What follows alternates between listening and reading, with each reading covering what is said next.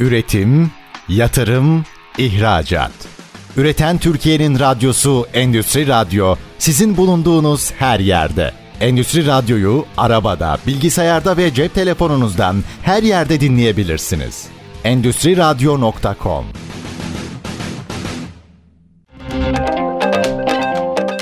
Salih Çaktı'nın hazırlayıp sunduğu Startup Dünyası programı başlıyor. Startup Dünyası'ndan herkese merhaba. Ben programcının Salih Çaktı. Bugün Fırat Demirer konuğum. E, Fırat merhaba, hoş geldin. Nasılsın? Salih merhabalar, teşekkür ediyorum. Hoş bulduk. Bu ikinci kitabınla alakalı aslında programı yapmak istiyorum ama senin daha önce yazdığın bir kitap daha var Geleceği Görenler. Geleceği görenlerden önce de ben çok eskiden tabii tanışıyoruz. Webraze döneminden tanışıyoruz. Uzun süredir editörlük ve yazarlık yapıyorsun. Hı hı. İlk kitap yazma fikri nereden ortaya çıktı? Onu merak ediyorum. Ee, öncelikle davet ettiğin için çok teşekkür ediyorum. Aslında mühendislik eğitiminden gelen birisiyim. Yazarlık ve e, bu dünyaya çok biraz daha uzaktan geliyorum. Ama teknoloji üzerine merakım sanırım biraz beni yazmaya iteklemişti. Sonraki süreçte işte Webraze'de internette uzun yıllar yazdıktan sonra biraz daha kalıcı ve derin bir şeyler yazma isteği açıkçası içimde uyandı. Sonra bir kitap okurken kitlesel fonlamayla bunu birleştirebileceğim. Aslında bildiğim şeyler gözümün önündeydi ama bir kitapta buna rastlayıp öyle harekete geçtim. Orada da biraz işte hani yüksek lisans dönemiyle de teknoloji tarihçi bir, bir şeyleri dönemlendirme ihtiyacı ve bazen benim geriye dönüp baktığımda işin hikayesini öğrenme belki arzumdan Türkiye'deki ilk internet girişimlerinden 10 tanesinin hikayesini yazmak istedim ve e, neticede hani sonuca ulaştı. Belki şunu da eklememde fayda var çünkü ikinci kitabımda Türkiye'den isimlerin hikayeleri ve ben Elon Musk'ın biyografisini okurken işte 45-45 yaşlarındaydı sanırım o zaman ve işte 450 sayfalık bir kitap okuyordum. Ya biz de kendi hikayelerimizi neden yazmayalım evet. diye düşündüm. Hani 45 yaşından sonra Elon Musk'ın zaten mesela daha yapacak belki en büyük işlerini henüz yapmamıştı ki onun da biyografisi kısa süre önce Walter Isaacson'dan çıktı. Böyle yani birkaç şey birleşince sonra kitlesel fonlamayla da e, buluşturup sağ olsun buradan bütün destekçilerime teşekkür ediyorum. Bu şekilde başlamış oldu. Evet bu Geleceğe Görenler kitabında şey var. Bu yani hani Mindnet ekşi sözlük falan e, yemek sepeti hı hı. gitti gidiyor gibi şirketleri herkes biliyor ama herkesin de bilmediği aslında işte Pilin Network var, Çembernet var, hı itiraf.com var özellikle. Yani ben birçok arkadaşımı hatırlıyorum itiraf.com'dan ismini yazıp acaba benim hakkında bir itiraf var mı falan diye bakan. E, o yüzden çok değerli bir eser olmuş ve hala da şu anda zaten satışı devam ediyor bildiğim kadarıyla. Evet, evet. Görenler. İlk kitabımız kitabım da ikinci baskıyı yapmıştı. Şu anda o devam ediyor. Onunla ilgili geçen gün bir etkinlik birlikte e, aldığım şöyle güzel bir geri bildirim oldu. Genç bir arkadaş dedi hani sizin kitabı okudum. Kendisi hani dediğim gibi ben 85'liyim işte 2000'li yılların başına bile özellikle internet dünyasını çok direkt e, yaşayıp içerisinde olmadım. Kişisel bilgisayara sahip olmam da geç ileri bir tarihte oldu. O arkadaş da hani benden e, daha genç ve o zamanları bilmiyor. Geriye dönüp bir şeyleri belki bulabilmek de zordu. Hani burada güzel derlenmiş bir hikaye olunca benden yaşça büyük e, hı hı. kişilerle konuşurken bu hikayelerden dedi bahsedip böyle hani ne diyelim aynı frekansı. aynen icebreaker diye şimdi Türkçe e, ne diyelim böyle muhabbeti açmak için bir kapı aralayan bir sohbet şey olarak kullanıyorum dedi. Onlar da ya sen hani nereden biliyorsun işte itiraf.com kurucusu şu anda Ersen abi bilmiyorum 50 yaşında mı. Öyle bir hikayeler bu beni mutlu etti. O anlamda memnunum açıkçası. Dediğin gibi bilinmeyen hani kapanmış hikayeler var. Hepsi bir arada 10 tane girişim. Peki Webraze'dan sonra kendi girişim platformunu kurduğun girişimler.net var. Ben Hı-hı. bir ara şey hatırlıyorum. Girişim ofisleri de diye bir şey hatırlıyorum. Evet. Bu tür e, şeyler oldu, çalışmalar oldu diye biliyorum. Ya şöyle ben Webrazi tarafında yaklaşık 10 yıl kadar yazdım ve orayı biraz teorik girişimcilik süreci gibi. Çünkü girişimcilerin çok fazla sayıda hikayesini biliyorum. İşte iyi giden, kötü giden hepsinin hikayesini ama pratik girişimciliğe geçmemiştim. Ee, evet. Ee, bunu aslında kitlesel fonlama kampanyasından sonra istifa edince hem kendim de hani bir şekilde yazmaya devam etmek benim ilgi alanım yani benim oyuncaklarım tabiri caizse hı hı. girişimlerdi. Onları inceleyip paylaşmak için girişimler.net'i kurdum. O taraf belli bir zaman devam ettirdim. Şu anda biraz e, pasif bir durumda. Orada da hani bir şeyler sürekli paylaşmaya devam ettim. Sonra bir ara e, yazılım girişimi sahibi olmak için e, Türkiye'de teknoloji şirketleri başta olmak üzere onların hı hı. ofislerini şeffaf bir şekilde gösteren bir startup kurma niyetiyle e, aslında biraz çalıştım, uğraştım ama başaramadım. Onun da hikayesi böyle biraz daha bende saklı. Çok duyurmadan e, bitmiş bir hikaye gibi oldu. Aslında güzel veriler Ama bu toplamaya başlamıştım. ibaresini ben çok hani çünkü geçen gün bir arkadaşımla konuşuyorum. Hani işte 10 sene önce geriye dön, dönmek mi ya da şu kadar para mı falan klasik şeyler vardır ya YouTuber'ların sonunda. ee, yani ben e, 27 yaşına dönmek istemezdim. Çünkü 27 yaşına yaptığım hatayı şu an yapsam hayatım mahvolurdu belki. Yani hani o yanlışı yapmak, o bir şeyi başaramamak bir süre önce gerçekten e, ileriye yönelik ciddi bir ışık tutuyor. Katılıyorum yani burada hani eğer bir başarı... E tabii bunu en iyi sen biliyorsun. Bunun hikayesini, kitabını yazdın. Evet, evet. Yani hani burada Türkiye'de tabii başarısızlık dediğimizde bunun çok negatif bir etkisi var. Hani ben bunu mesela başaramadım deyince çok tabii ki bir tecrübe olarak görüyorum ben. Yani hayatta artık belli bir noktadan sonra insan bunu belki öğreniyor. Hala toplumsal olarak genel anlamda bunu böyle görmüyor olabiliriz ama hani hem işte bu dünyadaki işte hatalarını öğrettikleri hem kişisel hayatta insanlar e, hepimizin öğrendiği şeyler bir birikime sebep oluyor ama hani şunu da belki yine de ayrımını yapmak lazım. Hani bir işte suyun üzerinde tutabilmek var bazı şeyleri. Hı hı. O anlamda söyledim. Hani o işi tam böyle pazara sunamadık. Zaten sonrasında e, işte pandemi vesaire olması hani ofis kavramını baştan sona evet. değiştirdi. Belki olmaması Tamamen üzerine gidip e, çok şey yapmak daha da e, hani belki başarı onu ilk başlatıp çıkarmamak oldu. Çünkü sonra daha büyük bir e, gerçek başarısızlık olabilirdi gibi. Ama o tarafta biraz mücadele ettim dediğin gibi. Sonraki süreçte de işte hani bu küresel salgın hayatımıza girdikten sonra aslında ben de e, biraz birçok kişinin yaptığının aksine özellikle startup dünyası hı hı. genelde işte Ege'ye, Akdeniz'e, yurt dışına kimileri gitti. Ben Kars'a gittim. Oraya yerleştim. Oradan e, hem içerik ve bu dijital çalışmalarımı sürdürürken işte ikinci kitap fırsatı da karşıma çıkınca onu değerlendirdim. Öyle devam ediyorum şu an. Evet. E, ben şey hatırlıyorum. İlk bir şeyleri yazma maceramı hatırlıyorum. Ben macera kitaplarının hastasıydım. Yani çocukluk döneminde, lise döneminde. İşte bunun en baba kişisi kim? E, Batı klasiklerinden Jules Verne'in işte dünyanın merkezine seyahat, denizin altına 20 fersa, kaptan nemalar falan. Onu okuduktan sonra beni mesela bir şeyler yazmaya iten şey şu olmuştur. Yani her, her Türk insanın olduğu gibi ya ben de yazarım. Bunlar yazmışsa ben de yazarım falan gibisinden. Ee, bir şeyler yazmaya ben ilk şeyde başlamıştım. Herhalde 5. sınıfta falandım yani o dönemlerde. Ee, daha sonra böyle çok uçuk işte içinde tabii ki yani çocuk yaşta yazdığımız bir şey. Ve hani ben de yazabilirim olgusu beni şey yapmıştı, motive etmişti. Peki bu e, iki tane kitap var elimizde. Bir Geleceğe Görenler var. Bir de Sayın Süreyya Ciliv'in... Kendi adıyla anladığımız bir evet, var. Evet, evet. Peki burada kitap yazma sürecinde senin ilham kaynakların ne oldu? Ya bir şu... de çok disiplinli bir iş bildiğim kadarıyla. Yani arada kopmalar olabiliyor, motivasyon kayıpları Hı-hı. olabiliyor ya da belki geriye dönüp baktığın zaman şey hissettin ya baştan mı başlasam acaba? Burası olmadı mı acaba falan Kesinlikle. gibi sorular belki sormuşsundur kendine. Evet, evet. Hani ben aslında yazmak bir o da bir kasın gelişmesi ve orada da hani diğer işlerde olduğu gibi biraz başarısızlıkla ya da işte takılmalarla mücadele etmek gerekiyor. Ee, bilmiyorum ben çok böyle e, video ya da kendimi hani fiziki olarak ortaya koymaktan ziyade biraz daha işin arkasında hani yazan kişi olmayı daha çok herhalde istediğim için yazma tarafında kendimi öncelikle işte kişisel günlüklerle herhalde başlamıştım. Sonrasında dijital tarafta devam etti vesaire. Tabii bu süreç ilerledikçe e, bazı disiplinler oluşturmaya başlıyor insan. Şimdi ben dijital tarafı da kullanan bir kişi olduğum için işte bir yazı uygulamasıyla kendime günlük hedefler belirleyerek ilerlediğim dönemler de oldu. Ne tür bir uygulamaydı bu? Ee, Nasıl çalışıyor? Benim kullandığım Ulysses diye bir uygulama ve orada günlük hedefleri belirleyip böyle bir hani ne diyelim bir ibre gibi e, kaç kelime yazdığını gösteren e, sonra onları işte belli şekilde sınıflandırabildiğin bir uygulama yani çok eskiye gidecek kağıt daktiloyla şu anda herhalde yazan yazar çok azdır ama hani genellikle Word dokümanında yazılıyor. Evet. Ben bunu yerine biraz daha belki eğlenceli daha ölçülebilir formatta bir e, araç kullanarak hani bu taraftaki kendi kas kasımı da geliştirmek istedim. Tabi bu da yeterli mi dersek hani e, şöyle yazmanın kaygısı az yazanlar için de çok yazanlar için de aslında devam ediyor. Çok yazan ya da çok yazmış bir yazarın farklı kaygıları oluyor. Ben mesela Webrazi'de 5500'den fazla yazı yazmıştım ve bazı ilk cümleler ve son cümleleri birçok kez tekrarladığım için hı hı. şey geliyor. Yani belki okuyucu onu fark etmeyecek ama ben benim için artık 100 defa tekrarlanmış bir cümle olduğu zaman o bende farklı bir kaygıya sebep oluyordu. E bu kaygıların üzerine gittikçe bazı perdeler açılmaya başlıyor. Ve bir noktada zaten hani yazmayı bırakıp okuyucunun karşısına çıkmak lazım. Hani söylediğin gibi İngilizce'de bir söz var hatta kitaplar yazılmaz tekrar yazılır Evet. Not written, rewritten diye hı hı. böyle daha e, fonetik şey bir tarafı da var. İkinci kitapta da ben yazdım. Sonra onun işte e, geniş zaman çekimiyle yazmıştım mesela. Sonra böyle e, geçmiş zaman hı hı. çekimine vesaire döndüm.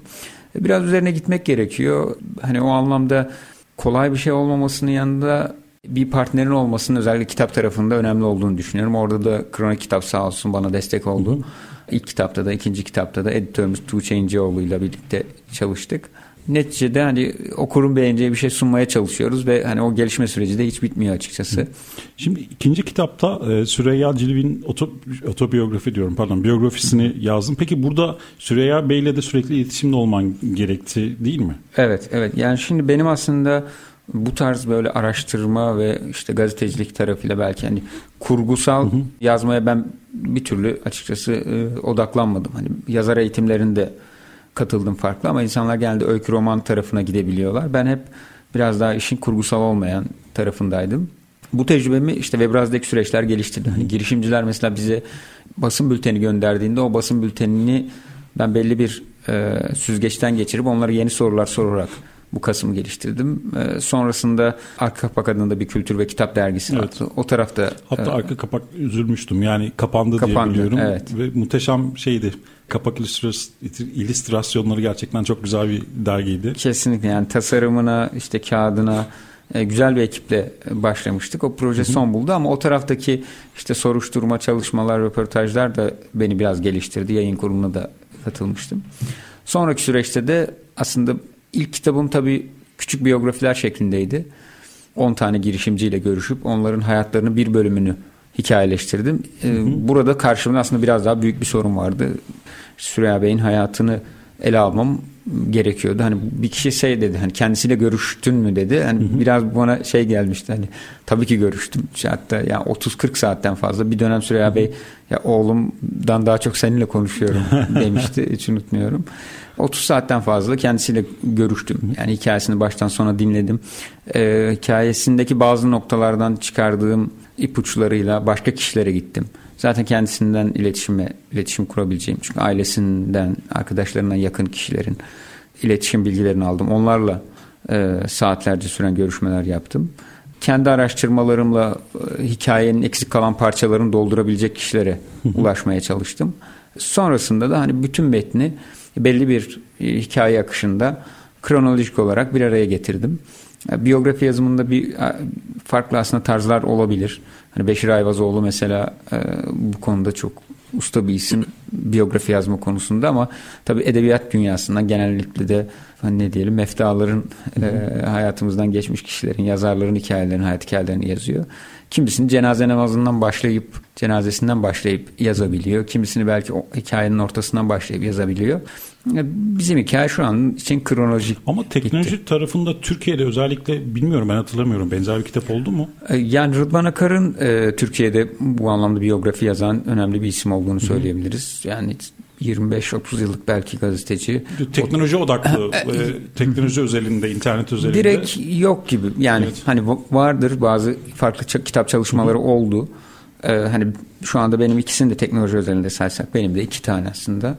İş dünyasından isimleri Rıdvan Bey daha ziyade yazdı. İşte Süleyman Seba gibi spor dünyasından farklı isimler de var ama ben dediğim gibi hani aslında benim geldiğim alanda teknoloji dünyası olduğu için o tarafa odaklanıyorum. Yoksa spor dünyasından e, Murat Muratanoğlu'nun bir e, kitabı var hatırladığım kadarıyla. Farklı eserler var.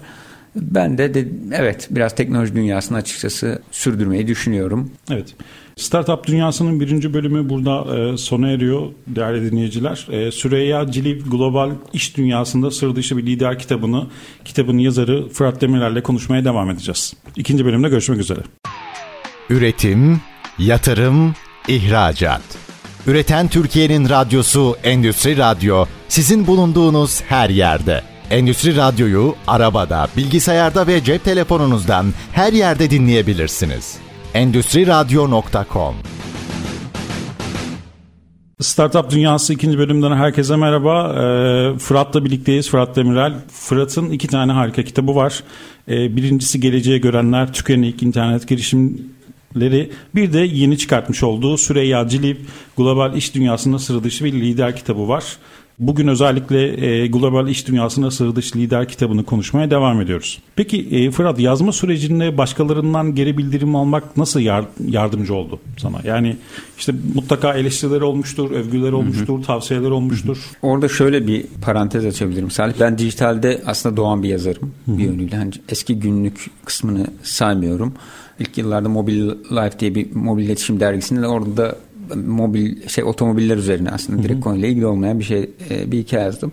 Dergiler tabii editörlerin bir geri bildirimi oluyor. Dijital tarafta da aynı şekilde editörler var ama genellikle daha hızlı periyotlarla çıkan hı hı. içerikler var. Dolayısıyla orada geri bildirim alma süreci işte bir editörün dokunuşu, okuyucunun yorumu. Şimdi mesela basılı işlerde okuyucunun yorumunu görebilmek biraz daha belki zor. işte kitap sitelerindeki yorumları takip Ama etmek Ama bir blog vesaire. yazısında ya da haber Gerek. sitesinde direkt çat evet. diye yorum geliyor yani. Aynen öyle. Şimdi ben Webrazi'de yazarken yazıyordum ve birisi ya burayı yanlış yazmışsın diyebiliyor. Burayı yanlış yorumlamışsın ya da iyi yorumlamışsın gibi çok hızlı gün içerisinde birkaç saat içerisinde geri bildirimler verebiliyordu. Şimdi kitap yazma sürecine girdiğimde şunu çok net bir şekilde gördüm. Aslında uzun bir kuluçka sürecine giriyorsun. Sen bir e, işte hamileliğe bazen benzetiyorum içerikleri topluyorsun, içerikleri belli bir noktaya getirmeye çalışıyorsun. Ben hatırlıyorum ilk hikayenin, ilk kitabın hikayelerini böyle tamamlayıp yayın evine gönderdiğimde de hani bir göz atmışlardı ama kitabın tamamının editörün önüne gelmesi önemli. Bu da uzun bir süreç istiyor aslında. Orası işte kitap yazma noktasında sanırım kitap yazmak isteyenleri düşüren en büyük çukurlardan birisi. Çünkü o kadar uzun süre benim kitap yazmak yazmaya çalışan yazan arkadaşlarım var. Onları da buradan bir kez daha seslenmiş olayım. Teşvik etmeye çalışıyorum ama o büyük çukuru bir türlü geçemiyorlar. Yani o sürecin uzunluğu ve bu arada kimsenin metne temas etmemesi orada ciddi bir boşluk oluşturuyor ve bunu aşmak gerekiyor bir noktada. Onu aşmayı aşmanın gerekliliği tabii finansal tarafla da ilişkili. Hani neredeyse hiç kimse ben de bir yönüyle buna dahilim kitlesel fonlamada bir e, finansal kaynağa erişmiştim ama proje süresi uzadıkça finansal olarak kendinizi bir şekilde hayat devam etmeniz ettirmeniz gerekiyor. Geri bildirim alma sürecini e, belki sıklaştırabilmek o anlamda herkesin işini kolaylaştırır. Ben çok fazla kitabı yazarken yazım sürecinde hani bizim toplamda ikinci kitap mesela 3 yıla varan bir sürede çıktı. Bu senenin başına maalesef depremi yaşadığımız için 6 Şubat'ta e, yıl sonuna sarktı eser ama e, yine yani iki sene gibi bile düşünsek aslında kısa olmayan bir süreç. Ben e, geçmişten gelen yazarlık kaslarımı e, korumak, biraz inat etmek, e, biraz işi bitirme konusundaki belki kararlılığımla e, bu noktaya gelebildim. Yazmak isteyenler açısından bunu belki bir tavsiyeye hani çevirmek Hı-hı. gerekirse yazdıkça belli bölümlerini çevresindeki insanlara okutmaları faydalı olabilir. O kesinlikle hani süreci destekleyen bir müdahale olur. Eğer geçmişte işte dijital tarafta ya da bir kitap yazma Hı-hı. tecrübesi yoksa ara ara e, o yazdıklarını birisine okutmanın faydalı olduğunu düşünüyorum. Ama bunu çok fazla yapmak da e, sürekli belki geriye dönmek gibi bir şeye sebep olabilir. Onu belli bir karar bir dozda yapmak o motivasyonu tetikleyecek şekilde tutabilmek faydalı olur. Yoksa gerçekten uzun bir kuluçka süreci kitap yazmak o bahsettiğim çukura düşmek mümkün oluyor biraz insanın kendisini soyutlaması gerekiyor değil mi? Yani her yerden bir dataya maruz kalıyoruz. İşte televizyon, telefon, bildirimler. Çok yani... fazla. evet. Ya bir arkadaşım şeydi Kars'ta işte iyi ki gitmişsin gibi hani orada yazabilmişsindir kitabı. Evet. Şimdi İstanbul'dayım bir süredir ee, ve çok fazla hareketlilik var. Hı. Çok fazla uyaran var. Çok fazla insan var. Şimdi bilmiyorum. Ben kendimi artık bir biyografi yazarı olarak da konumlandırıyorum. Konumlandırmak istiyorum. Ve çok fazla hikaye var. Yani bir trafikte özel araçla da gitseniz, hı hı. toplu taşımada da gitseniz, televizyonda, radyoda, internette gördüğünüz yani sosyal medyanın gündemi yani günde 1500 tane evet. gündemle karşılaşıyoruz gibi. Çok fazla uyaran var. Evet biraz soyutlanmak gerekiyor. Bu hani hem o uyaranlardan uzaklaşmak anlamında hem de aslında yazıyı biraz dinlendirip demlemek için de gerekli gibi. Çünkü böyle bir yazarın tıkanması denen bir taraf da var. Writer's block diye de İngilizce tabir ediliyor. E, biz bazen tıkanıyorsunuz ve ilerleyemiyorsunuz. O zaman hani metin bir şeyler yazamıyorsunuz ve hani yazmanız aklınıza gelenleri yazmak bir çözüm evet. Ama o metinden ne kadar memnun olacağınız yine bir soru işareti. Ee, onun için dingin bir kafaya gerçekten ihtiyaç var. Böyle uzaklara gidip yazabilmeyi yazan yazarlar olduğunu bazen duyuyorum. Peki e, bu ikinci kitabı yazarken hani karşısında böyle e, havası da güzeldir diye biliyorum. e, yani orada tercih ettiğin bir mekan var mıydı yoksa çalışma odanda mıydın? Ya, mekan değiştirdin mi? Şöyle oldu aslında biz o zaman salgın döneminde olduğumuz için hep evdeydim. Ve bunun bir nebze e, olumsuz etkilediğini söyleyebilirim. Yani sürekli evde olmak bazen balkona çıktığımda aslında gölgeden güneş ışığına çıktığımı fark edecek kadar bazen evler evlere tıkılmıştık. Sonrasında hani küçük bir ofise çıktım ve orası benim böyle hani ne diyeyim gittiğim bir, bir sığınak gibi belki yani çatı evet. katıydı ama e, gidip kendime attım. Tek başımayım kimse yok. Oturup yazdığım bir yer oldu. Sonrasında böyle dışarıda ofiste yazdım ki e, Mario Levy'nin bir e, eğitiminde e, bahsettiği şey var. Aslında hani yazarın e, yazan kişinin bu ister kurgu olsun ister işte böyle araştırma kurgusal olmayan metinler olsun dışarıya çıkıp insanlarla biraz da temas edip gözlemlemesinin gerekli olduğunu söyler. İlk dönem işte pandemi döneminde hani içeride olmaya biraz negatif etkisini hissettim ama yine evde kendi başıma bilgisayarda yazıyorum doğal olarak. Bilgisayarın başına devam etti. E, sonraki süreçte daha fazla ofiste yazdım ama hani çok ne bileyim işte ya ben bir sürekli takıldığım bir kafe vardı ya da hı hı. işte otele gidip bazen böyle kapanıp yazma e, senaryolar var. Öyle bir şey yapayım ya da ne bileyim başka bir yere gidip yazayım gibi bir sürece çok girmedim. Metnin hani tamamı da diyebilirim ki Kars'ta çıkmıştır. Yani. Evet. Buraya gelip işte bazı birebir yüzde görüşmeler de yaptım ama orada çıktı. Evet harika. Peki kitap yazma sürecindeki en sevdiğin sana en çok böyle değerli gelen bir anım var mı? Ya şöyle ben neden mesela biyografi yazmayı, insanların hikayelerini yazmaya yazıyorum diye dönüp baktığımda insanların benimle bir şeyler paylaşmasını, hayatlarından bir şeyler paylaşmasını sevdiğimi kendime yanıt olarak buldum. O anlamda hani çok böyle parlayan bir hikaye açıkçası direkt aklıma gelmedi ama yaptığım her konuşma çünkü işte önceki girişimlerde girişimcilerle yaptığım sohbetler e, ya iyi ki bunları hani kayıt altına alıyoruz çünkü bizim de zihnimizden uç hatta ben anlatırken ya unuttuğumu fark ediyorum gibi hı hı. söylemler ben de böyle hoş sadalar bırakan şeyler oldu. Sonraki süreçte de gerek Süreyya Bey'le gerek sonraki onun arkadaşlarıyla ailesiyle e, çocuklarıyla yaptığım görüşmeler e, benim için hepsi çok özel e, görüşmeler. Yayın evinin desteklemesi bu anlamda yine benim için kıymetliydi. Bir de tabii yazarın hani sonraki süreçte de hikaye devam ediyor bir yönüyle okuyucuyla buluşması. Hı hı. Orada güzel hikayeler insanın karşısına böyle aniden çıkabiliyor. Onu da seviyorum açıkçası sevdiğimi söylemeliyim. Peki bu Süreyya Cilib global iş dünyasında sıra dışı bir lider kitabını yazarken Süreyya Bey'in hayatına dair en çok etkilendiğiniz, öğrendiğiniz vay bu, bu da yaşanmış dediğiniz şeyler var mı başkalar? Ya Süreyya Bey'in hikayesini mesela neden yazdığımızı düşündüğümde yine aslında çok mütevazi bir noktadan hı hı. çok iyi noktalara gelen bir hayat hikayesi var. Çok fazla seyahat ederek ve bu değişen koşullara uyum sağlaması mesela benim için çok böyle kendi hayatımda da durağanlığın ne kadar aslında bizim potansiyelimizi belki kapatıcı olabileceğini görmek Hı-hı. anlamında faydalı oldu. Microsoft Amerika'da çalışırken yani Türkiye'de Microsoft Türkiye'nin genel müdürlüğünü yaparken de burada çalışırken de Steve Ballmer'le ya da diğer işte Bill ve benzeri hikayeler de böyle hani hiç bilmediğim ve belki duyamayacağım tecrübeleri öğrenmemi sağladı. Ee, bunun gibi hikayeler var kitapta. Hani, ama dediğim gibi hani kitabı yazar belki hep böyle bir bütünsel olarak bakıyor. bir de bir süre sonra hikayenin içerisinde çok fazla kalmış olmak artık biraz normalleştiriyor. Hani ne bileyim pahalı belki bir saat arabayı çok isteriz ama aldıktan sonra evet, ona normal, e, normal gelmeye başlar. Şimdi ben artık hani Süreyya Bey'le e, mesela ben eskiden Süreyya Bey'le bir medya temsilcisi olarak gözük, e, görüşüyordum. Sonrasında o biraz daha yakınlaştı. İşte ailesiyle görüşmeler vesaire. Ve hikayeleri şimdi kitabı birçok kez de okudum bu arada. Bazen e, hani kitabın içerisinden çıkardığımız bazı şeyler oldu. Hani neleri çıkardık ya bu önceki versiyonda okuduğum muydu diye kendi hafızamı da zorladığım hı hı. süreçler oluyor. O anlamda yani çocukluğundan iş dünyasına atılmasına kadar ve iş dünyasındaki tecrübesi e, birçok açıdan benim için de açıkçası öğretici hikayelerle dolu.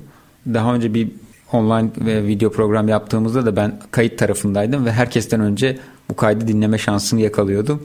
Burada da hani Süreyya ve okuyucular öğrenmeden onun tecrübelerinden evet. ben faydalandım. Peki Süreyya Bey'in nasıl bir liderlik yaklaşım var? Süreyya Bey'in liderliği aslında çok insancıl ve çalışanlarını iyi bir takım olmaya iten bir liderlik anlayışıyla hareket ediyor. bir insanın hayatını yazıp... Klasik hani yönetici Hı-hı. liderlik e, e, tartışmaları yapılır. Hı-hı. Yöneticiler hep kötü, liderler hep iyi gösterilir. Böyle klasik capsler falan vardır. Peki liderliği nasıl tanımlayabiliriz? Aslında liderlik Süreyya Bey'in de anlayışıyla. Burada şimdi ben kendi liderlik tanımımı yapmam Hı-hı. çok e, doğru olmaz ya da hani okuduklarımı ancak söyleyebilirim ama çünkü bir ekibi ya da büyük bir ekibi liderlik etmediğim için çok da açıkçası teorik kalır. Ama Süreyya Bey'in liderliğini konuştuğumuz zaman o kendisi işte birçok farklı tecrübede ekibi belli bir noktaya götürebilen, onları motive eden, onlara sorumluluk veren ve kendi liderlik yeteneklerini de geliştirmesini sağlayan bir pozisyon olarak tanımlıyor. Yani bunu ilk yıllarda yaptığı girişimler, girişimcilik sürecinde de, sonraki şirketlerde de hep bu şekilde uygulamış. Yani gençlere doğru zamanda doğru yetkileri verebilmek, inisiyatifi verebilmek ve onu emanet edebilmek. Mesela Türkiye'de biz biraz daha çok her şeye karışan yönetici modelini hı hı. görebiliyoruz. Çok böyle mikro management dediğimiz küçük şeyleri bile takip etmeye çalışan bir liderlik modeli görüyoruz ve bu bazen ailemizde de böyledir. Yani ben abimizle, annemizle, babamızla, birisiyle ya da ablamızla yaşarken bir şeylere sürekli karışılması bizi hani bir hı hı. şey yapar ya. Özellikle yetişkin bir insan haline geldikten sonra. E, belki Süreyya Bey'in hani üniversiteyi de bilmeyenler için Amerika'da okudu. ODTÜ'de elektrik, elektrik elektronik bölümüne başladıktan sonra Amerika'ya gidiyor. Michigan Üniversitesi'nde. Sonra Harvard Business School. Oranın da tabii bir kültürü sonra iş hayatında yine Amerika'nın dünyasında kültürle belki haşır neşir olduğu için o noktada bizden çok daha fazla hı hı. çalışanlara biraz daha inisiyatif verebilen, evet. e, dokunan bir liderliği var. Açıkçası bu süreçte ben de hani günün sonunda Süreyya Bey'le bir çalışma içerisindeyim ve bana dokunan tarafları da oldu bunu. Yani o kişiyle çalışmak benim için kolay mıydı, zor muydu diye baktığımda beni bu sürece hani tutunmamı belki sağlayacak e, motive edici tavırları da oldu. E, o anlamda bir burada da bir liderlik örneği gösterdiğini söyleyebilirim. Bu arada e, bir tez de yazıyorsun bildiğim kadarıyla. Yüksek lisans e, şöyle mühendislik okuduktan sonra biraz ben sosyal bilimlere evet, yöneldim evet. açıkçası. o anlamda ya da eşit ağırlıkçı mıydın belki en başından beri? Yani olabilir çünkü ben bir üniversite dershane sınavında böyle e, eşit ağırlık tarafında bayağı yaptığımı, iyi yaptığımı hatırlıyorum. Ama şeydir hani bu işte matematik, fizik hı hatta ben yabancı dile meyilliydim. Yani hazırlık Anadolu Lisesi'nde hazırlık okurken e, acaba yabancı dil bölümünü e, seçsek mi diye düşünmüş birisiyim. Orada işte ya bu fen yapıyor, fen dersleri iyi, fen bölümüne verelim diye yönlendirilmiş bir öğrenciyiz belki. Dediğin doğru bir soru aslında eşit. Belki e, sosyal sözel tarafta gidecektim ama şu anda geldiğim noktada da bu şekilde buraya gelmiş evet. olmaktan da memnunum. Sonrasında işte biraz e, bahsettiğim gibi hani gazetecilik işte medya tarafında olunca yazarlık yapınca tarihsel süreçleri ister istemez biraz daha fazla insan düşünüyor. O çok mekanik e, sadece hesaplamalara dayalı bir dünyada aslında hayatın uzun bir çizgi olduğunu, orada dönemlendirmelere de ihtiyaç duyduğunu görüyoruz. Ve teknoloji tarihi, bilim tarihi bölümüne Medeniyet Üniversitesi'nde o zaman yüksek lisans, e, tezli yüksek lisans bölümüne kazanmıştım. Tabii ilk sene gayet dersleri verdim. Sonrasında tez sürecini biraz uzatmış oldum. Şu anda kuantum bilgisayarların tarihini hı hı. E, araştırmak üzere çalışıyorum. Umarım bu kitaptan sonra da onu yazıp aslında biraz onu Türkiye'ye de bu alanda yazılmış güzel bir içerik olmasını da istiyorum. Kitaplaştırma şansın var değil mi? Tabii Kesin. tabii. Evet yani aslında Türkiye'de bence eksik olan konulardan birisi de o. Belki Hı-hı. burada akademisyen dinleyicilere seslenmekte faydalı olur. Ee, yüksek lisans tezleri kitaplaştırılabilir. Bu konuda ben bir arkadaşıma hatta destek olduğumu anımsıyorum. O da günün sonunda bu süreçten sanırım memnun e, oldu.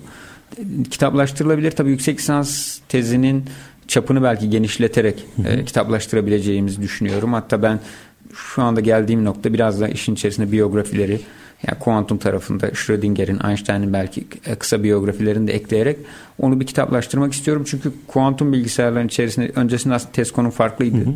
Değiştirdikten sonra bundan da memnun oldum. Çünkü kuantum bilgisayarlar bize hani işte startup dünyasında hepsini çok farklı bir noktaya taşıyacak. Şu anda yapay zekanın işte evet. dünyamıza kattıkları gibi. O anlamda bilgilendirici bir eser olmasını da umuyorum. Umarım hayata geçirebilirim. Startup Dünyası ikinci bölüm burada sona erdi. Üçüncü bölümde Fırat Demirer'le Geleceği Görenler kitabını ve Fırat'ın yeni çıkan kitabı Süreyya Ciliv Global İş Dünyasında Sıra Dışı Bir Lider kitabını konuşmaya devam edeceğiz. Üretim, yatırım, ihracat. Üreten Türkiye'nin radyosu Endüstri Radyo sizin bulunduğunuz her yerde. Endüstri Radyo'yu arabada, bilgisayarda ve cep telefonunuzdan her yerde dinleyebilirsiniz. Endüstri Radyo.com Startup Dünyası'ndan herkese merhaba. Ee, ben programcının Salih Çaktı. Üçüncü bölümle devam ediyoruz. Fırat'la birlikteyiz. Evet Fırat, üçüncü bölüm, son bölüme geldik. Bu arada yani girişimciliği uzun süre yani internet üzerinde ikinci bölümde güzel bir ifade kullandı. Ben internette doğmuş bir yazarım dedin öyle hatırlıyorum. Orada girişimlere baktığın, girişimcileri gördüğün, genel olarak bir dışarıdan baktığın zaman Türkiye'deki girişimlerin şeyi nasıl, ilerleyişi nasıl? Yani yurt dışında çok araştırdığını biliyorum bu noktada.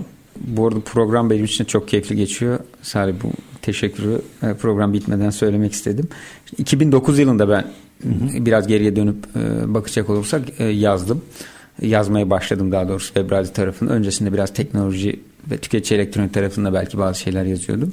Ve o yıllarda aslında Türkiye'de girişimler yavaş yavaş filizlenmeye başlıyordu. Bu şimdi eski araçları düşünelim otomobilleri, bugünkü otomobilleri düşünelim. Arada hani hem tasarımsal olarak hem güç olarak teknoloji olarak çok büyük farklılıklar var.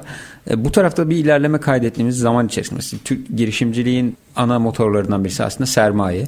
E, bir şeyler yapmaya çalışıyorsun başarısızlık oranı çok yüksek. Müşteriye ulaşman lazım. Bu süreçler çok sancılı. Bu arada bir sermaye ihtiyacı da var. Sermaye ihtiyacı zaman içerisinde Türkiye'de hani imkanlar arttıkça Hı. o anlamda da bir ilerleme oldu.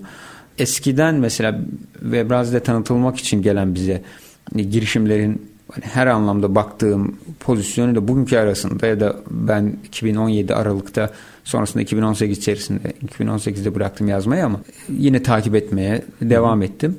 Gerçekten her anlamda gelişti. Yani bizim o alandaki tecrübemiz artık bir girişimci olmak isteyenin önünde şu an çok fazla kaynak var yerli ve yabancı yani İngilizce. Ben şeyi hatırlıyorum yani mesela şimdi kuluçka merkezleri var, yarışmalar var. O dönem hala var mı bilmiyorum. Etohum'u hatırlıyorum. Evet. Mesela Etohum bir eskiden biraz da öyleydi. Mesela Amerika'da da hı hı. E, biraz daha böyle topluluklar kurulup ve buluşmalar hı hı. üzerinden daha fiziki bir şeydi bir yönüyle. Sonrasında işte hani Etohum biraz daha böyle yavaş yavaş eriyerek kenara çekildi gibi. Başka etkinlikler, başka hı hı. medyalar. Mesela medya her alanda çok kıymetli. Şimdi Endüstri Radyo da bir medya olarak işte endüstri iş dünyasında bir kitleye hitap ediyor. Orada bazı içerikleri ön plana çıkarıyor. Startup girişimcilik medyası da aslında Türkiye'de yavaş hı hı. yavaş gelişti. Onun da bir etkisi var. Tabii bu gelişme hani ne kadar oldu dersek tabii ki Amerika ile aramızda çok ciddi farklar var. Çünkü onların sermaye gücü ve tecrübeyi birbirlerine aktarma alışkanlıkları bizden farklı. Biraz önce konuştuğumuz işte başarısızlığa bir şeyi tamamlayamamaya bakışları çok daha farklı. Hala buralarda belki kültürel anlamda e, değişikliklere de ihtiyacımız var. Zihnimizi tazelemeye ihtiyacımız var. Diğer yandan finansal tarafta bugün ya da geçmiş e, zaman olsun. Yani 2010'da Türkiye'de yurt dışından insanlar Türkiye'ye gelip çalışabiliyordu. Şimdi tam tersi oluyor. E, o anlamda bir ilerleme ihtiyacımız var ama ben genel itibariyle bunun zaten bir insan hayatında olduğu gibi bir büyüme evresi olduğunu düşünüyorum. Öyle kabul ediyorum. Bir anda çok hızlı büyümenin gerçekleşmesi birçok şeyde olduğu gibi burada da mümkün değil. İnsan zaten zamanı tabi olduğu için bir olgunlaşma sürecinden geçmesi gerekiyor.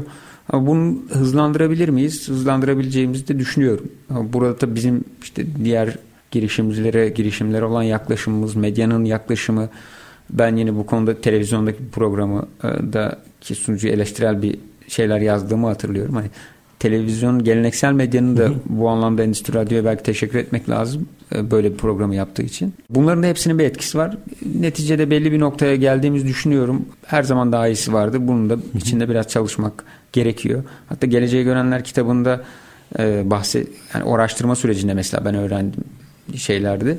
Aslında Amerika'da dotcom balonu patladığında orada artık alan adlarının bile jenerik alanlarının bırakıldığı ve bunları bir Türk'ün satın aldığı bir dünyadan bahsediyor. Türkiye'de de bir şeyler yapılıyordu. Türkiye'de işte 2001 krizi yaşanınca orada da aslında bir e, büyük bir zaman kaybına uğradık. Mesela o süreç gerçekleşmeseydi belki biz bugün Amerika ile Avrupa ile çok daha fazla yarışan bir noktaya gelebilirdik. Belki bir nesil yani tırnak içinde internetle bir şeyler yapmasının önüne geçti. Şimdi o hataları yapmazsak yapmadan ilerleyebilirsek daha da hızlı ilerleriz. Bu arada kişisel blog devam ediyor mu? fıratdemirel.com var. Ee, evet yani bir ara yine o tarafı aslında sürdürme konusunda biraz daha ciddiydim. Şu aralar çok yazamıyorum açıkçası. Biraz işte bahsettim biraz kafanın belki dingin olması gerekiyor. Ama üretmek de gerçekten zor. Yani ben şimdi hatırlıyorum üniversite döneminde tabii WordPress sürekli kurup bozuk kuruyorduk, bozuk kuruyorduk. E, web arşivden baktım eski yazılarıma baktım. Epey yazmışım. Yani gerçekten epey yazmışım. Ama şu anda baktığım zaman mesela o blog tutmak, o yazarlığa, o internet üzerinden devam etmek özellikle İstanbul gibi büyük bir şehirde uyar, uyarıcının çok olduğu bir şehirde gerçekten çok zor. Yani yazan arkadaşları da yani az da olsa özellikle yani bir anda böyle yazıp balonu sönen değil de hı hı. az da olsa sürekli istikrarlı bir şekilde yazan arkadaşlara gerçekten tebrik ediyorum. Evet onlardan birisi değilim şu anda bir yere yazmış olmuş. Bir ara onu da kişisel bloğu da devam ettirmiştim. Çünkü ya yazmak aslında düşünmenin çok evet. güzel bir formu ve o aslında geliştiriyor. Sanırım yazmayı sürdürülebilir kılan şey de o. Geçen gün bir arkadaşım seni söyledi destekleyecek şekilde bir baktım WhatsApp'tan mesaj atmış. Ya dedi yazmak ne kadar zor dedi kendisi yazılımcı bir arkadaş.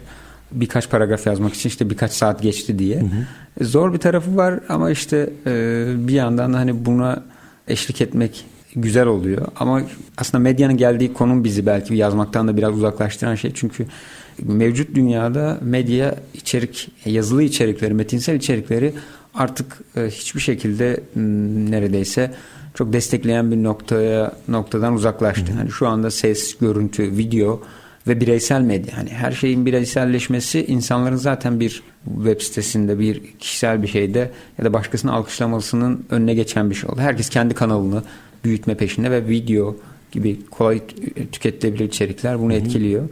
Ama ben her zaman yazma yazmak ve e, yazanların tarafında olduğumu söyleyebilirim. Kişisel makalaşım üzerine geçenlerde bir podcast'te katılmıştım. Orada şey sormuşum. Yani Tosta'yı biz neden tanıyoruz? Neden biliyoruz? Çünkü yazdığı için. Yani çünkü yazmış bir şeyleri kaleme almış, içerik üretmiş. Ama bence içerik üretmek isteyen, e, düşünebilen insanların önündeki en büyük engel bence günümüzde scrolling dediğimiz kaydırma.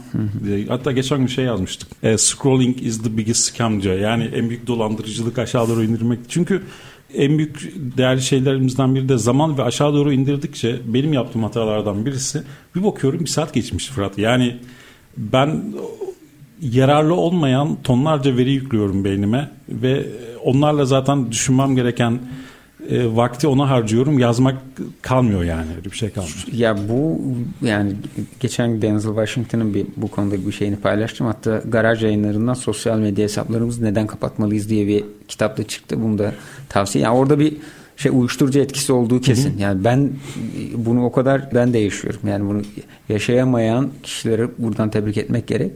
Bundan hani kurtulabilmek dediğim gibi biraz zor ama mücadelede her zaman olması gerektiğini düşünüyorum. Yani küçük bir kitleye ulaşsak da belki şunu söyleyebilirim. Küçük bir kitleye ulaşsak da ya da çok bize yakın olmayan kişilerden gelecek küçük e, geri bildirimlerin bizi çok mutlu edebileceğini ben gördüğüm için hala yazmaya belli noktalarda devam edebilirim. Yani 100 tane yazı yazmışsındır. 5 kişiye ulaşmıştır. Sonra 101. yazı öyle bir kişiye ulaşıp öyle bir e, geri bildirimle sana dönüyor ki ya diyorsun ben yazmaya devam edeyim. Evet, az da çoktur bence. Yani öyle de bir şey var. Ben evet. yine kitaba dönmek istiyorum. E, bu Süreyya Ciliv Globalist dünyasında sıra dışı bir lider kitabını alan insanlar neyle karşılaşacaklar? Aslında Süreyya Bey'in e, ve benim de kişisel olarak savunduğumuz bir şey hı hı. Türkiye'den teknoloji dünyasında güzel hı hı.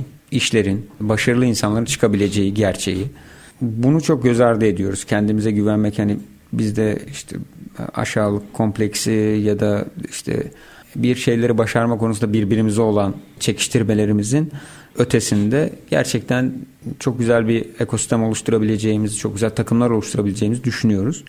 Bu noktada da aslında kitabı bir kitabın hani başından sona evet. okuyan biri evet. E, Evet hani ben de iş hayatında bunları yapmalıyım e, diyecek herhalde. Evet evet soruyu bir an zihnimde tazelemeye çalıştım. Aslında girişte söylediğim gibi mütevazi bir hikayenin nasıl güzel sonuçlar çıkarabileceğini görüyoruz Süreyya Bey'in hayatında. Tamamen devlet okullarında okumuş. işte kişisel olarak aile tarafında annesinle babasının boşanmasıyla birlikte hani o bizim sıcak ya da şey aile e, noktasından belki biraz uzaklaşmış. Yatılı okullar okumuş, gitmiş. Amerika'da ailesinden uzakta bir mücadele vermiş vesaire. E, bu hani bütün hikayeye bence sahip olmak önemliydi. Bir arkadaş Twitter'da bir kişi ya o ilk zamanları çok ilgilenmediği gibi hani iş dünyasında gördüğü için o tarafın önemli olduğunu söyleyen bir şey yazmıştı. Başka bir arkadaş da ilk hayatın ilk bölümü olması eksik olur demişti. Hani gerçekten bizim farklı noktalardan hayata başladığımız gerçeğini düşünürsek mütevazi noktalardan çok iyi noktalara çıkabileceğimiz ve teknoloji dünyasında şimdi Süreyya Bey'in ilk kitap da biraz işte geleceğe görenler de aslında internette bir şeyler yapabilme vizyonuna sahip kişilerin hikayesiydi. Burada da işte mobil geniş mantığın, internet altyapısının, e, gelişen dünyada bilgi erişmenin ne kadar önemli olduğunu ortaya koyduğumuz için e, yine teknoloji dünyasında bizim de bundan sonraki e, ne diyelim kırılımları görebileceğimize dair bir inanç yakalayabileceğini düşünüyorum okuyucuların. Kitapta bir şey benim dikkatimi çekti. Genellikle biyografi kitaplarında e, sadece kapakta e, anlatılan kişinin yüzü yer alır. Hı hı. Ama sizin kitapta Süreyya Bey yani normal tamamen boydan bir şekilde var. Evet. E, o da çok dikkatimi çekti benim. Yani mesela şeye bakıyorum işte Malcolm X. Steve Jobs'ın, Malcolm X'in, Muhammed Ali'nin. Muhammed hepsi böyle şeydir. Yani omuz, omuzdan yukarısı vardır. E, ama Süreyya Bey'de biraz daha farklı kitap. Güzel bir detayı bence yakalamış oldu. Çünkü bize o şekilde kapaklarda geldi. Hı hı. Ama biz Süreyya Bey mesela bir arkada bir e, böyle bir ne diyelim bankta oturuyor. Hı hı. Ee, biraz işte bu basketbol bench gibi bir şey. Hem basketbolcu olması ben tabii biraz onu fotoğrafçımız evet yani basketbolda oynamış e, ve takım oyununa çok önem veren ve işte takım sporları hı hı. yapmış birisi. E, diğer yandan e, Süreyya Bey'in kez diğer bazı fotoğraflarda hani hayatı böyle belli noktalarda tamamlamış bir kişinin hissiyatın kısmen uçtuğunu ama hani o boydan fotoğraf biraz daha biraz belki dergi tarzı ama zaten Hı. dergilerde de daha böyle hayatın hani hikayesi devam eden insanların Hani şey gibi hissettim. Yani bu kitapta hatalarım da var, doğrularım da var, yanlışlarım da var. Her şeyle burada. Evet, ee, evet. gibi hissettirdi bana. Yani o anlam dediğin gibi Süreyya Bey'in hayatı açıkçası çok böyle ne diyelim iniş çıkışlarla e, gidiyor diyemiyorum. E, çünkü hani gerçekten böyle başarıya dönük güzel bir e, hayat hikayesi var. Ama farklı açılardan işte duygusal taraftan vesaire de e, bakmaya çalıştığımızda e, şu anda bu hikayenin aslında devam ettiğini de belki gösteren evet. ben hani oyuna girmeye hazırım anlamının da biraz ben belki e, öyle görüyorum. Dediğim gibi farklı bir kapağımız var o hani uzaktan işte yayıncıların ya da işte kitap satış e, noktalarının belki tercih etmeyeceği bir kabaktı evet, ama bir Süreyya Bey ben sonra yayın eviyle birlikte e, bunun olmasına karar verdik. Teşekkür ederim farklı bir noktaya dikkat çektiğin için. Peki yine ikinci bölümde kullandığın hani internette doğan yazar olmaktan bahsetmiştin. Daha önce benim de bir blogum vardı. Hatta o dönem biz Webrazi ile falan yarışıyorduk. Aa bugün 10 tane yazı girmişler. Biz neden 5'te kaldık falan kendi halimize bir grup böyle takılıyorduk. Bizi çok geliştirmişti o noktada. Peki internette sürekli yazan sürekli üreten insanlar belli bir konuda bir kitap yazabilirler mi ya da yazmalılar mı? Yani işte biraz önce dedim ya ben Webraz tarafındayken aslında bir teorik girişimciydim. E, bu Türkiye'de bazen eleştirilen bir şey olur. İşte hani startuplara, girişimlere danışmanlık yapan kişilerin aslında daha önce girişim kurup kurmadığı haklı bir sorudur. Evet yazabilirler. Hani işte okumuş oldukları şeylerden ya da öğrendiklerinden, dinlediklerinden bir de tabii medyada olmanın mesela bilim ve teknoloji yazarı olmanın işte bilim insanlarına, teknoloji insanlarına o teknolojiye dair e, biraz daha içeriye girme şansı oluyor. Buna karşılık bilim insanının da yazmak için yeterli vakti de olmuyor. Yazmamalıdır ya da e, kesin yazmalıdır diyemiyorum. Orada iyi çalışmaların kesinlikle anlam katacağını düşünenlerdenim. Evet. Ama hani bir yönüyle o gözle bakmak gerektiği de aşikar. Yani bugün bir iş dünyasında da olsa bazı şeyler e, ortaya koyduğumuzda bir de o işi yapan kişinin kişiyi dinlemenin faydalı olacağını düşünüyorum. Yani evet. burada bizim bir kitap var ama bir de Süreyya Bey'in konuşması var. Ki Süreyya Bey'le onun tecrübelerini yine aktarmak üzerine Hı. belki bilmiyorum ilerleyen zamanda farklı şeyler olabilir. Yani pratikle teorik farkını göz önünde bulundurarak içerik oluşturmak önemli olduğunu da düşünüyorum. Evet. Fırat çok teşekkür ederim. Çok keyifli bir yayın oldu benim için. Çok teşekkür ederim Salih. Endüstri Radyo'ya da teşekkür ediyorum böyle bir programı koyduğunuz için. Yine sen herhalde gidip geleceksin Kars'a. Ee, diğer kitapta tekrar görüşürüz o zaman diyeyim yani. Ee, teşekkür ederim ve umarım o kadar uzun sürmez. ee, bir sene içerisinde yeni bir kitapla e, girişimcilere değer katan bir kitap çıkarabilirsem ne mutlu bana. İnşallah. Ee, Startup Dünyası burada sona erdi. Bir sonraki programda görüşmek üzere. Kendinize çok iyi bakın.